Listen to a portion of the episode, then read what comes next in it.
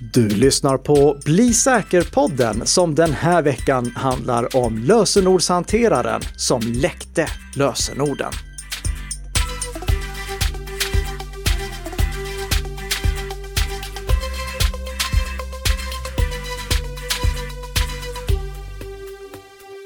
God morgon, god morgon Tess! Ja men god morgon kära Nicka. Hur är det med dig idag? Det är alldeles utmärkt, förutom en sak. Jaha, okej. Okay. Jag saknar min trogna poddkollega Tess Hamark. Ja, detsamma, detsamma. Vi sitter ju faktiskt inte tillsammans idag. Nej, var i, var i hela friden är du? Varför är du inte här? Ja, men jag sitter faktiskt just nu i mitt barndomshem hemma hos mina föräldrar i deras sovrum. Vilket ja. är ju lite speciellt, men det är också kul att vara på besök. Men egentligen är det ju att vi har ju nya coronarestriktioner så att vi får hålla ut lite till, Nicka. Mm, vi får väl mm. göra det. Men förhoppningsvis kan vi snart podda tillsammans igen i den här podden som produceras i samarbete mellan Nika Systems och Bredband2. Men fram till dess så, eller fram till att det har blivit lite mildare coronarestriktioner så får vi då göra så här på distans det bästa vi kan av situationen. Och ja. apropå distans, jag har faktiskt bjudit in eh, ytterligare en person att medverka på distans. Jag kontaktade utbildningsförvaltningen i Stockholm för att höra ifall de ville medverka i Bli säker-podden för att ge sin syn på frågan som vi diskuterade med öppna skolplattformen i förra veckans avsnitt. Ja. Eh, tyvärr så har de tackat nej med anledning av den pågående polisutredningen. Men okay. eh, nu, nu, har de i alla fall fått en inbjudan och det är en stående inbjudan, så ifall de någon gång vill vara med så får de jättegärna vara det. Ja. Jag skulle också vilja flagga upp för en sak till innan vi går in på veckans snabbisar. Och det är att nu är iOS 14.5 uppdateringen tillgänglig. Så den här eh, nya funktionen som begränsar appars möjlighet att spåra användare mellan olika företags appar och webbplatser. Den är nu tillgänglig. Och ifall ni vill veta mer om den, lyssna på avsnitt 114 tror jag det av Bli säker-podden. Mm. Mm. Eller kolla på ett litet videoklipp som jag spelade in med anledning av eh, att den här funktionen nu är tillgänglig. Okej, okay, veckans snabbisar. Ja, ja. shoot. Då har vi först och främst ytterligare en nolldagars sårbarhet i MacOS. Nej då. Ja. Vi har pratat tidigare om hur säkerhetsfunktionerna i MacOS fungerar, men jag tänkte ta en snabb sammanfattning för att liksom ge bakgrunden till varför den här nolldagars sårbarheten, alltså en sårbarhet som redan används i aktiva attacker innan Apple fixar den, är så pass allvarlig. Mm. Vi har egentligen ett trelagers skydd mot att användare råkar infektera sig själva, till exempel genom att ladda ner en trojanpreparerad app eller råkar dubbelklicka på någonting som användaren tror att är ett dokument men i själva verket är en körbar fil. Först och främst så har vi det som kallas filkarantän och den funktionen känner många MacOS-användare igen, för när man laddar ner ett program på en modern Mac och eh, dubbelklickar på det, då får man först information i stil med att du har laddat ner det här programmet från nätet eller du har laddat ner den här appen från nätet. Nu kallar ju Apple allting för appar. eh, vill du köra den appen? Och det, det, ska då förhindra att man råkar köra någonting eh, som är eh, ett skadeprogram utan att man vet om det. Mm. Men det är inte det enda skyddet. Därefter har vi Gatekeeper och Gatekeeper är den här funktionen som gör att ifall appen är tillverkad eller publicerad av en utvecklare som Apple inte har godkänt, då måste man ta en liten kringväg för att kunna köra den appen. Eh, det går inte att bara dubbelklicka på den och gå vidare, utan då måste man ta en liten omväg med att högerklicka och så vidare. Mm. Och sen har vi det senast tillkomna skyddet i form av notarisering och det är det som gör att oavsett vem det är som publicerar appen, om Apple inte har granskat den i förväg, då får användaren en varning i stil med du kan inte öppna den här appen eftersom Apple inte har kontrollerat om den innehåller skadeprogram eller inte. Så det är tre stycken bra skyddslager. Problemet som eh, Patrick Wardle, en av de främsta MacOS-säkerhetsexperterna, rapporterade om nu i veckan. Det är att den här sårbarheten, som redan används i aktiva attacker, kan kringgå alla tre. Nej! Så han klassar det här som en av de allvarligaste sårbarheterna som har upptäckts i MacOS på senare år. För om en eh, angripare drar nytta av den här sårbarheten, då skyddar inte filkarantän, då skyddar inte Gatekeeper och då skyddar inte notarisering heller för den delen. Det innebär att för att en användare ska bli infekterad, då räcker det med att han eller hon dubbelklickar på en attackpreparerad fil. Aj, alltså det här är ju inte bra Nicka. Nej, men det som är bra i sammanhanget är att Apple nu har släppt en uppdatering till MacOS, så se till att installera den omgående för att det är mm. lätt att bli lurad annars. Den här uppdateringen är släppt till MacOS 11, eh, alltså Big Sur, och eh, Catalina och Mojave, alltså de tre senaste versionerna av MacOS. Det innebär att eh, ja, äldre versioner, precis som vi har varit inne på tidigare i den här podden, inte längre får säkerhetsuppdateringar och därför inte ska användas på nätverksanslutna datorer. Jag kan väl flika in här att eh, X-Protect, alltså det fjärde skyddslagret skulle vi kunna säga, det inbyggda antiviruset i MacOS, det uppdateras även på äldre versioner av MacOS. Så ifall datorn väl har blivit infekterad, då, då finns X-Protect att skydda mot det. Men det sista skyddslagret, antiviruset, det vill vi ju aldrig vara, det, det ska inte vara det vi förlitar oss på. Vi ska se Nej. till att stänga sårbarheten istället. Så jag, jag påminner, kör MacOS Mojave eller senare. Vet du vad, jag, jag, vill nämna en sak till om det, för att eh, när jag har diskuterat det här tidigare, då har det bland annat i Apple-bubblan riktas lite, inte kritik, men det, det, det, finns de som hävdar att jag har fel och att jag överdriver riskerna. Det, det, var en som skrev till mig att det är inte så att macken blir osäker bara för att Apple slutar underhålla den. Och jo, det, är precis det det betyder. Det är exakt det som händer. Macken ja. är inte säker när Apple slutar underhålla operativsystemet som körs på den. Det är det som jag försöker trumma in liksom. Eh, mm. Sen så kan det hända att man bedömer att risken för att bli infekterad är så pass låg att den är värd att ta det säger jag ingenting emot. Det kan hända att man tycker, ja, nej, men jag, jag, tycker att risken för att bli infekterad är så pass låg att jag är villig att ta den. Men huruvida macken är säker eller inte, det är inte uppe för diskussion. Utan när Apple slutar underhålla macken med säkerhetsuppdateringar, då slutar den vara säker. Och min rekommendation är som sagt att inte ha mackar med äldre versioner av MacOS anslutna till nätverk. Punkt slut eller? Okej, du påminner ju ofta om uppdateringar. Eh, jag påminner ofta om eh, nätfiske. Mm. Eller hur? Så att, eh, häng på här nu då. Om du som lyssnar på den här eh, podden följer Tilde de Paula på Instagram så kanske du möttes av bilder och livesändningar som inte var hennes under förra helgen.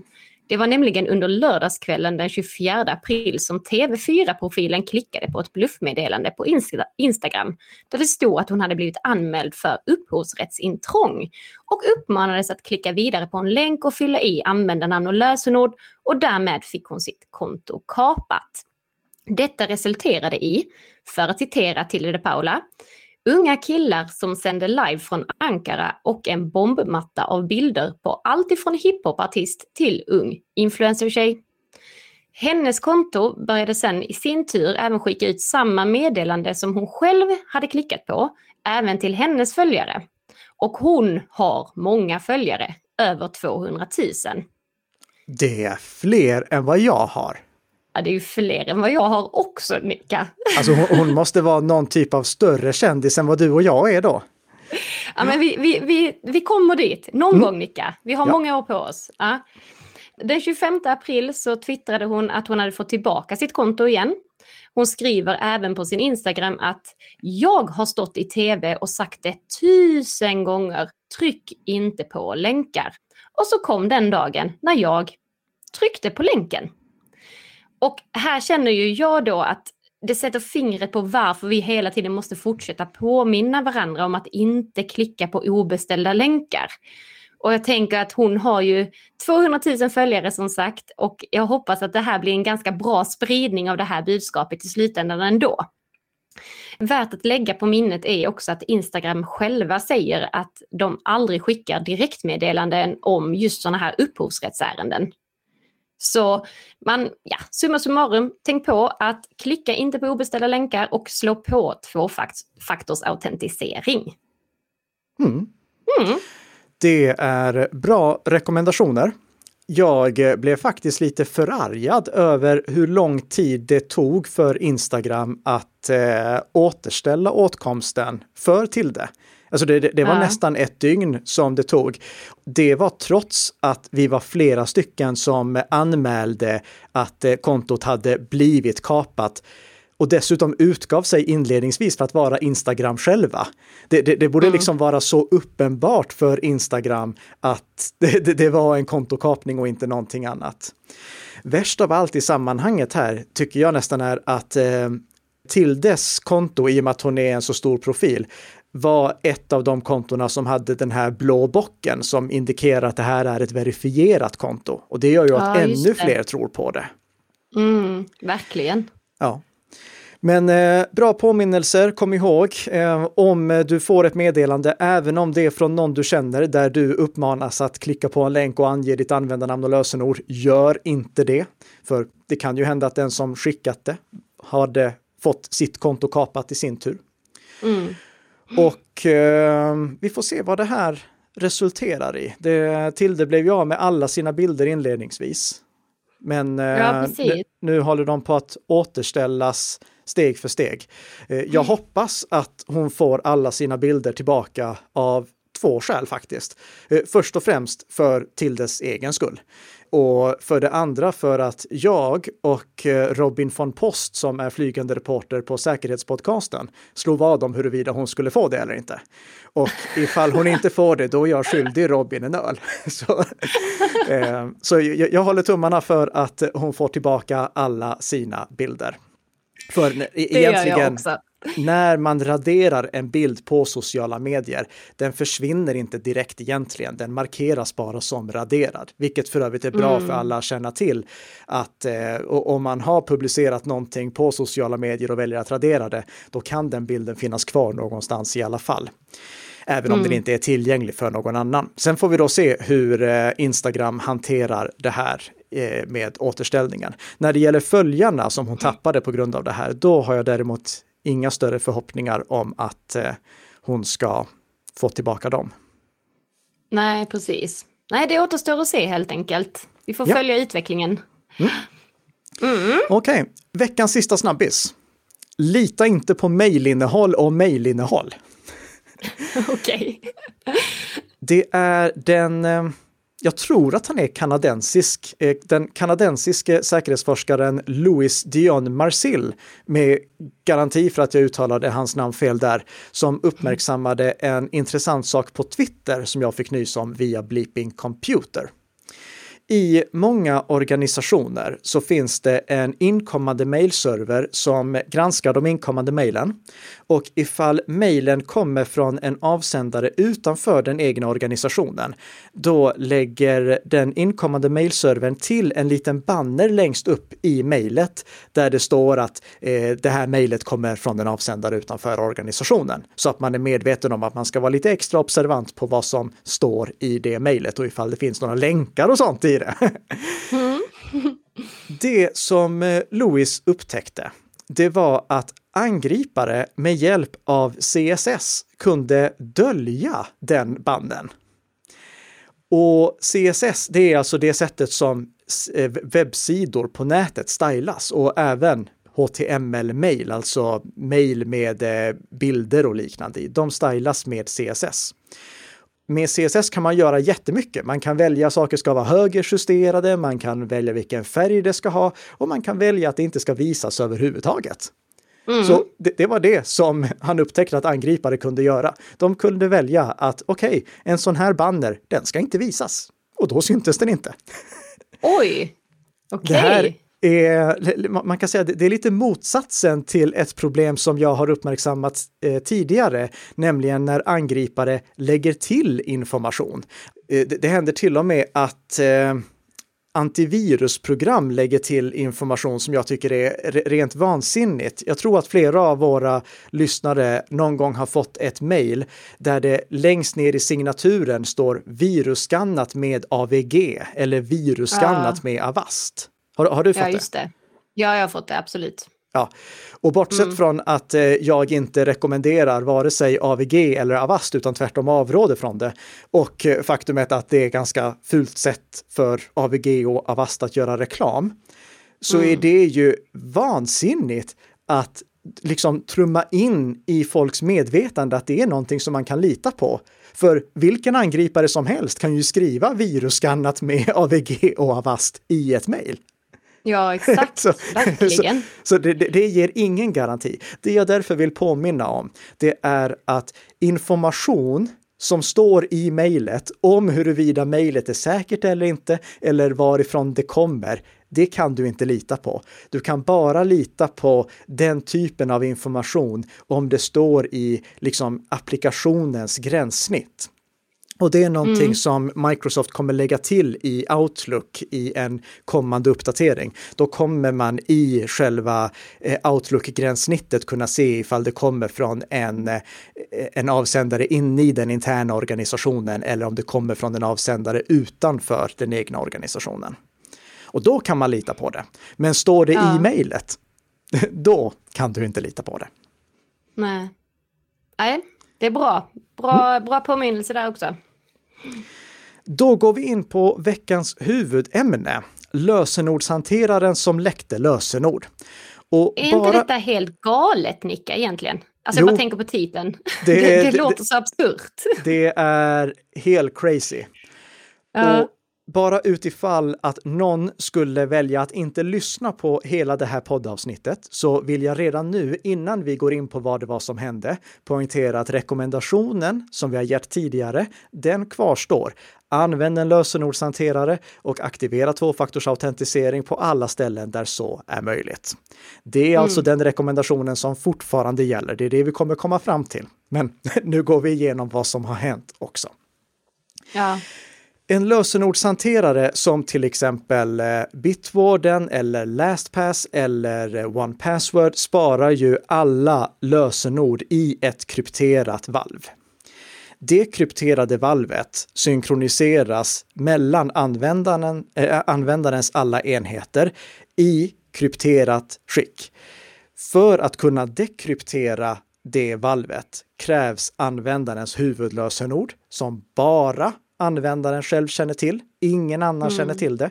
Det är därför det är så viktigt att inte glömma bort sitt huvudlösenord. För glömmer man bort huvudlösenordet, då finns det ingen chans att komma in i lösenordshanterarens valv igen. Inte mm. ens eh, Bitwardens support eller LastPass support kan hjälpa till eftersom de inte heller har huvudlösenordet.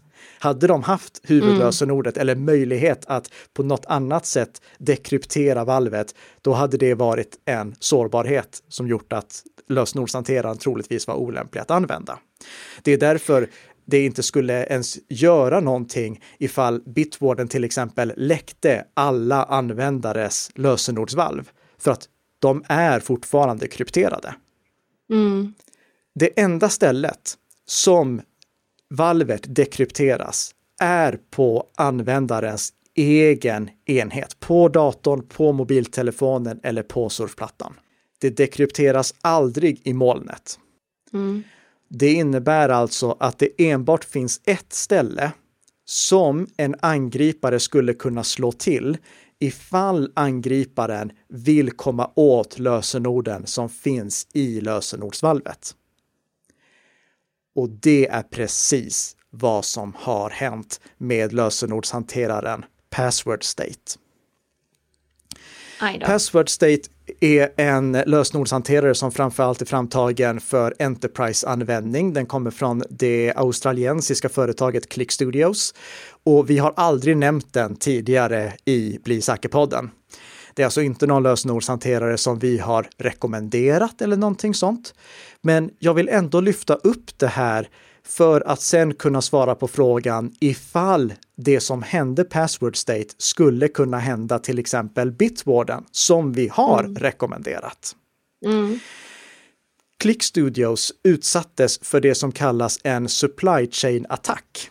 Och supply chain-attacker är någonting av det som jag oroar mig mest för. Eh, det, det, är inte det som vanliga användare behöver oroa sig mest för, men det är någonting som kan få mig till att ligga sömnlös om nätterna.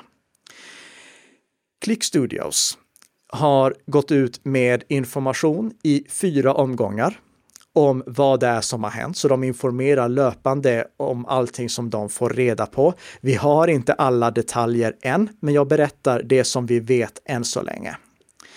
Det vi vet, det är att den 20 april, då lyckades angripare på något sätt ändra på ClickStudios webbplats så att när Password State lösenordshanteraren letade efter nya uppdateringar, då hämtade Password State inte den riktiga installationsfilen utan istället en trojanpreparerad version av installationsfilen. Alltså en version av installationsfilen som hade ett skadeprogram i sig. Ah. Det låg på en så kallad CDN, ett eh, Content Delivery Network. Det, det, är ett sätt som används när man ska kunna skeppa en fil till väldigt, väldigt många användare eller för att snabba upp så att eh, Eh, till exempel eh, någon som kollar på en eh, film från USA inte behöver strömma filmen från Sverige utan kan strömma den från en server som ligger närmare. På vår lärplattform exempelvis, då strömmar vi all film via en CDN för att få upp prestandan och inte belasta våra egna servrar. Men det som angriparna då hade lyckats med, det var att ändra på ClickStudios webbplats så att den installationsfilen som ClickStudios webbplats pekade på för in-place uppdatering, alltså när programmet uppdaterade sig själv, inte när någon installerade programmet på nytt, utan när någon uppdaterade det. Det var den här trojanpreparerade versionen. Mm. Den låg uppe under 28 timmar. Och det innebär att ifall någon uppdaterade sin password state lösenordshanterare under de här 28 timmarna från den 20 april till den 21 april. Då fick de den trojanpreparerade versionen. Och utöver att fungera precis som password state brukar göra så skickade den trojanpreparerade password state-appen också alla användarnamn och alla lösenord till angriparna. Aj då! Ja. Men vet man hur många som har blivit drabbade av detta då? Nej. Nej. Password State är ju inte någon av de stora lösenordshanterarna, alltså, eller i alla fall inte någon av de största. Men eh, det är synnerligen allvarligt det som har hänt. För det enda som de här användarna kan göra nu, det är att byta lösenord till alla webbplatser som de hade i sitt lösenordsvalv. Och om de delade lösenord med någon, då måste ju alla som har använt den kombinationen av användarnamn och lösenord också byta det hos mm. sig. Mm, just det. Så det, det, här är verkligen ett, eh, alltså det, det, här är det värsta som en lösenordshanterare skulle kunna råka ut för. Och mm. lägg märke till att det här var ju också det enda stället som angriparna kunde slå till eftersom det var där som, eh, som valvet var dekrypterat. Mm. Sådana här supply chain-attacker har vi inte pratat så mycket om i eh, podden tidigare. Eh, nu i år så har det i andra medier pratats väldigt mycket om SolarWinds-attacken som gjorde att eh, organisationer över hela världen blev infekterade. Men principen är den att någonstans i kedjan så lyckas angripare alltså puffa in sin skadliga kod så att när en användare installerar en ny fil eh, eller ett nytt program eller uppdaterar sitt program, då får användaren en infekterad version. Och i och med att dagens mjukvara bygger på beroenden i sån stor utsträckning, någonting som vi diskuterade i podden där vi hade bjudit in eh, eh, Dr. Linus Karlsson från Debrict så mm. är det här någonting vi måste vara medvetna om. För när en utvecklare publicerar en app, då använder den kod som så många andra utvecklare har skrivit.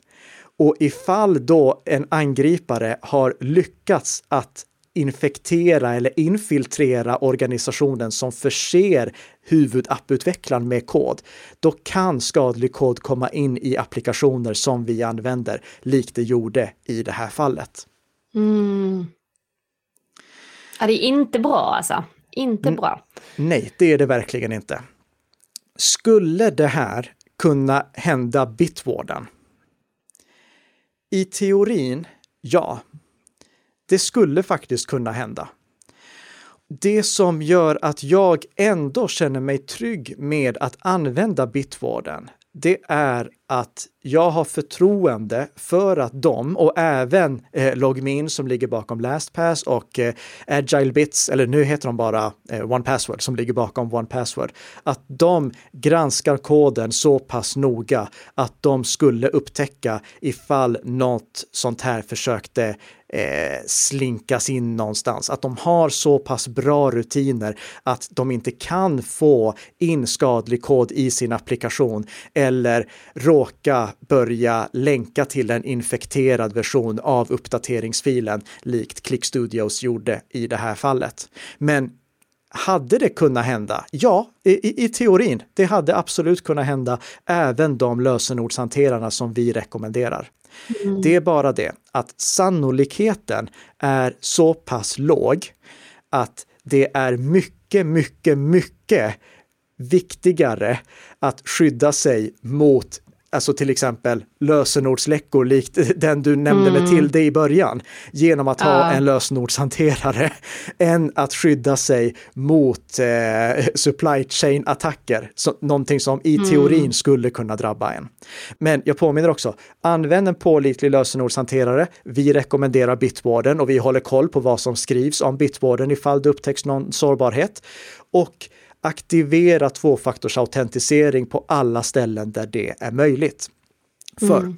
vi ska inte glömma att oavsett hur vi gör så är lösenord en svag autentiseringsmetod. Det är inte en bra lösning för att styrka att vi är personen som vi faktiskt utger oss för att vara.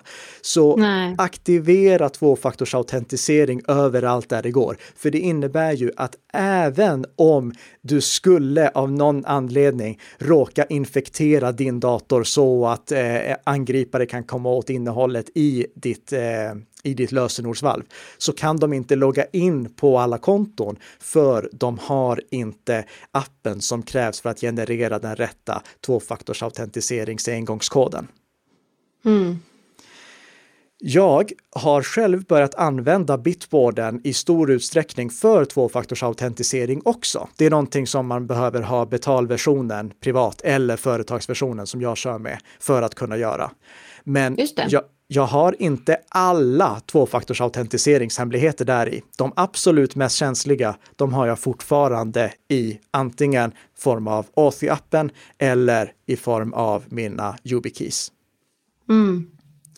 Så en liten påminnelse om det och kom ihåg rekommendationen, den kvarstår. Använd en lösenordshanterare och aktivera tvåfaktorsautentisering överallt där det går. Avslutningsvis, vad tror du att har hänt nu under veckan efter att den här nyheten började spridas? Jag skulle gissa på nätfiskeattacker. Ja. Som mm. ett brev på posten så börjar nu angripare skicka ut mejl där de kontaktar personer som har använt ClickStudios lösenordshanterare och säger att ni måste logga in här för att styrka att det är ni eller eh, ladda ner den här filen så att de blir infekterade igen. Åh, nej. Så ja, är... Nej, man får se upp i så fall då om man har använt sig av den här lösenordshanteraren. Ja, jag, jag, tror mm. inte att den är speciellt stor i Sverige, men eh, oavsett vad, jag vill eh, lyfta upp det så att eh, alla känner till det, eh, så att mm. vi inte bara belyser fördelarna med lösenordshanterare utan även nackdelarna. Och belysa lösenordshanterare, det är någonting som vi gör ofta i den här podden som heter Bli säker och som utkommer med ett nytt avsnitt varje fredagsmorgon. Och då passar jag och Tess på att göra dig som lyssnare lite säkrare för varje vecka som går. Tack så mycket för att du har lyssnat den här veckan. Glad valborg och trevlig helg! Trevlig helg!